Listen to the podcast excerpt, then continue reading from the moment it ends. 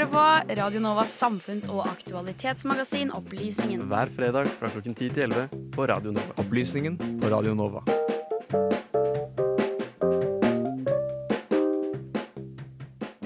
Eh, Kortbanenettet det er samlingen av de mange flyplassene i Norge med korte rullebaner. Og i Finnmark eh, finner man den unike ordningen som blir kalt for Melkeruta. Har dere hørt noe om det? Vi kan begynne med deg, Emilia. Ja.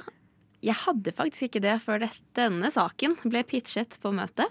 Og jeg kan nesten ikke tro det, for det er noe av det sykeste jeg har hørt, altså.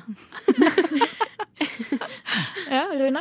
Nei, jeg hadde ikke hørt om det, jeg heller. Eh, nå har jeg ikke vært eh, så mye på reise oppe i nord eh, lokalt.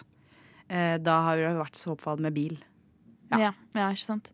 Men har dere vært borti noen flyplasser andre steder i Norge som har ganske korte sånne rullebaner?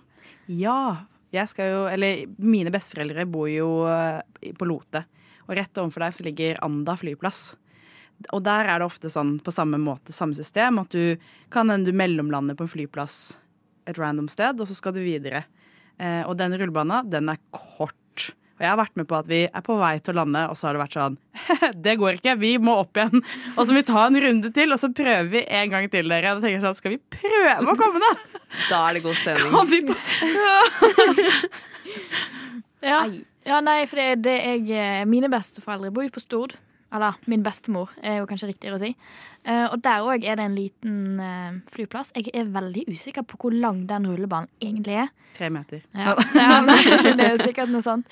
Men der vet jeg i hvert fall at en gang i uken så går det et fly til Oslo.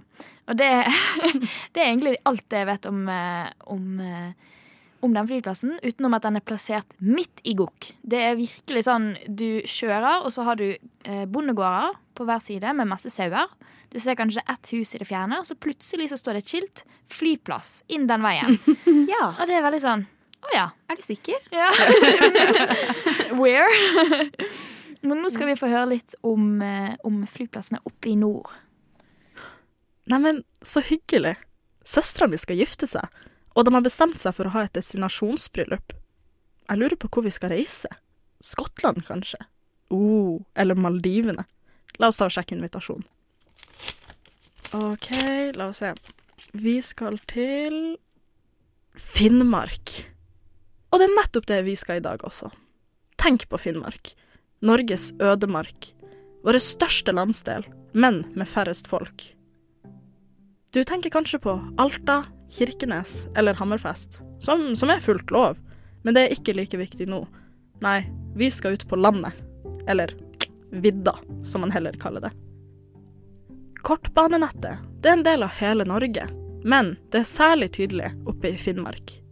Her finner man små tettsteder med innbyggertall som ikke krysser 1000, Widerøe-fly på omgang og den såkalte Melkeruta. Som nevnt så er Finnmark stort, og det er ikke særlig folksomt. Men likevel så er det folk i de her små kommunene som også trenger transport. Pga. avstand så er det ikke bare bare å hoppe i bilen og kjøre til legetimen eller eksamenslokalet i en fei, fordi da kan man måtte belage seg på svært mange timer bak rattet. Det norske kortbanenettet er et resultat av politiske vedtak fra begynnelsen av 70-tallet. Det er da et nettverk av kortbaneflyplasser, altså flyplasser med korte rullebaner. Og innad i dette systemet så driver Widerøe denne Melkeruta, som er én lang flyvning mellom Tromsø og Kirkenes, men som har hele åtte stopp imellom. Den fungerer altså lite grann som en bussrute.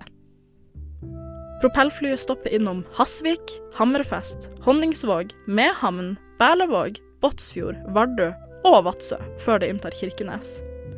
De her kystbyene de er for folketomme til å fylle hele fly i daglig drift, men behovet for den ene personen i Mehamn for å reise hit eller dit, den forsvinner ikke av den grunn. Noen i Vadsø kan altså sitte på til Berlevåg, før noen andre i Berlevåg skal videre ned til Hasvik. I NRK sin serie Kortbaneliv så tar de et dypdykk i folkene og historiene rundt Melkeruta. I serien så sier de også at flyforbindelsen er livlinja for mange av de små distriktssamfunnene. Konsensusen den er naturligvis at dette er et bra tilbud å ha, men det er ikke bare fryd og gammen langs Finnmarkskysten. NRK beskriver ruta som en av verdens tøffeste. Det kommer av uforutsigbare værforhold. Særlig på vinteren, når snøstormen kan stå sidelengs, eller rullebanen kan være isa ned. Det handler også om at flyplassene sine korte rullebaner etterlater et svært lite rom for feil. Standardkravet for lengde på norske rullebaner er 2000 meter, mens kravet på kortbaneflyplassene ligger på rundt 800 meter. De strekker seg altså under en kilometer. Og i dag så utføres ruteflyvninger på disse flyplassene på anbud for staten, og som nevnt så er Widerøe en stor aktør på det norske kortbanenettet. Dette kommer derimot til å være et problem i 2025, da dagens Dash 8-fly må erstattes. Det settes også krav til et lavere drivstoffbruk, som der igjen fører til høyere lufthastighet, og dermed krav på lengre rullebaner.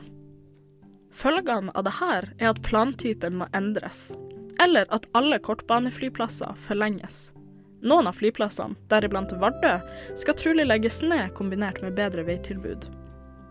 Avinor planlegger også at de kortbaneflyplassene med færrest passasjerer må ha trafikk med små 19-setersfly. I sommer ble kortbanenettet sin viktighet tydelig. Widerøe sine flyteknikere gikk ut i streik, og flytrafikken i Finnmark stoppa opp.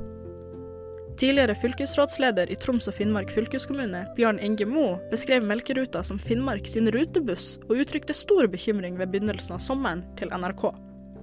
Ordfører i Vadsø, Wenche Pedersen, sa at Nord-Norge er fullstendig avhengig av Widerøe sin flytransport, og beskrev streiken som helt meningsløs. Riktignok er det nå ikke snakk om ny flystreik eller nedstenging av kortbanenettet, men det understreker hvor viktig denne greina av norsk flytrafikk er. Og selv med et så teit navn som Melkeruta, så er denne trafikken livsviktig for den nordlige delen av landet. Reporter i denne saken var Frida Kristine Mogård. Musikken var hentet fra Blue Dot Session.